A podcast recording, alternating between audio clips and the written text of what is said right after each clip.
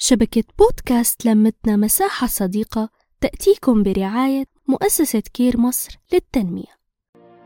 المرأة في مجال العمل كذا نوع. هتلاقي الملتزمة والكسولة واللي مش مهتمة بمواعيدها وهتلاقي كمان النشيطة جدا والكفء. وبحكم إن إحنا في مجتمعنا في مساواة ما بين الراجل والمرأة لازم ندعم المرأة بحاجات كتيرة جدا هتساعدها إن هي تبقى مميزة جدا في المجال ده. علشان كده هقولك على شوية حاجات. لو مشيتي عليها هتبقى هتفرق معاكي في شغلك. أول حاجة ما تحطيش في اعتبارك إن لو عملت الشغل كويس كل اللي حواليا هياخد باله. مش لازم على فكرة لأن أنت مع مرور الوقت هيعرفوا إن أنت قد إيه شاطرة في الحاجات دي. ما تبصيش اللي حواليكي مهتمين بده ولا لأ. اتعلمي تقولي لأ لو حاجة مش عاجباكي. في حاجة اسمها مناقشة وحوار. اتحاوري مع زمايلك ومع مديرك لو مفيش حاجة عاجباكي.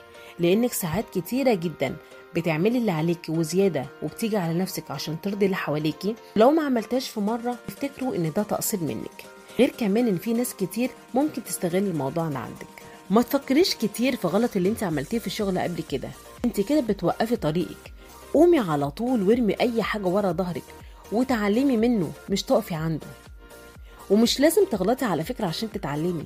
استفيدي من أخطاء الآخرين اللي حواليكي لو زميلتك في الشغل عملت أي مشكلة علمي منها مش لازم يعني تمشي في نفس التجربة عشان تتعلمي واسمعي أكتر من تتكلمي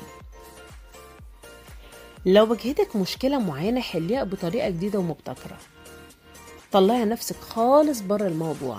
بصي عليها من فوق واسألي نفسك لو حد عنده نفس المشكلة دي يا ترى كنت هنصحها إزاي؟ دايما يبقى جوه الموضوع غير بره الموضوع. حاولي تبصي لكل حاجة بمنظور مختلف. خليكي طموحة وطوري دايما من نفسك. خلي عندك معرفة. اقري كل يوم حاجة جديدة. مش لازم على فكرة في مجال شغلك. اقري رواية اقري حاجة في مجال الرياضة سياسة. إن شاء الله ميكي. مش مهم. كل ده بيوسع معرفتك جدا. وانت قاعدة على الإنترنت حاولي كده تدوري على أي كورسات موجودة أو دورات تدريبية ادخلي فيها. في منظمات كتيرة جدا بتوفر الحاجات دي ومجانا كمان. اتعلمي منها وفيدي كمان اللي حواليك. حطي لنفسك خطة ووعود عشان تمشي عليها. قيمي نفسك أول بأول واعرفي انت ماشية في الطريق المحدد اللي انت حاطاه ولا لأ. خلي عندك خيال ورؤية. فكري دايما بره الصندوق. خلي خيالك كده يسرح في حاجات كتير. كل ده هيفتح قدامك مجال كتيرة جدا هتميزك عن غيرك. ادي مبررات للي حواليكي. ما تاخديش كده كل موقف بمحمل الجد والانفعال. زي ما انت كتير بتبقى مضغوطة اللي قدامك كمان بيبقى مضغوط. خدي موقف لو الموضوع اتكرر في الحاجة دي. خليكي ودودة مع اللي حواليكي. خلي ما بينك وما بين زمايلك مودة ورحمة. جامليهم في مناسبات خليكي دايما في ظهرهم. افطري معاهم زي ما انت عايزة. بس خليكي دايما فاكرة إن أسرار بيتك ده لبيتك بس. مش مجال الشغل اللي انت تتكلمي فيه. دايما فكري نفسك إن البيت مهم برضه زي شغلك. ركزي في بيتك. سهلي على نفسك حاجات كتير هتخليكي سريعة في كل حاجة. يعني مثلا حاولي في الويك إند تجهزي كم أكلة كم حاجة حطيها في الفريزر تبقى سهل عليك اللي انت تطلعيها على طول. ده هيوفر معاك في وقت وجهد كمان. اقعدي مع أولادك. أكيد بتبقي انت وحشاهم. في كلام كتير بيبقوا عايزين يقولوهولك في الفترة اللي انت فيها في الشغل. حتى مع جوزك. اتكلمي معاه واحكي له. ساعات كتير بيبقى ليه نظرة مختلفة غير اللي إحنا شايفينها وبينبهنا على حاجات كتيرة قوي.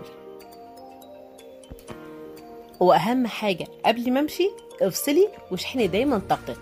خلي ليكي وقت ليكي انت بس. اعملي أي حاجة اللي انت عايزاها. اقري حاجة انزلي اعملي شوبينج اعملي رياضة. وقت مخصص ليك انت بس عشان تساعدي نفسك فيه. ما تستقليش بنفسك. انت ست ب راجل محدش بيعرف يعمل زيك. ودايما حطي في دماغك إن المرأة نصف المجتمع. نحكي نتشارك نتواصل.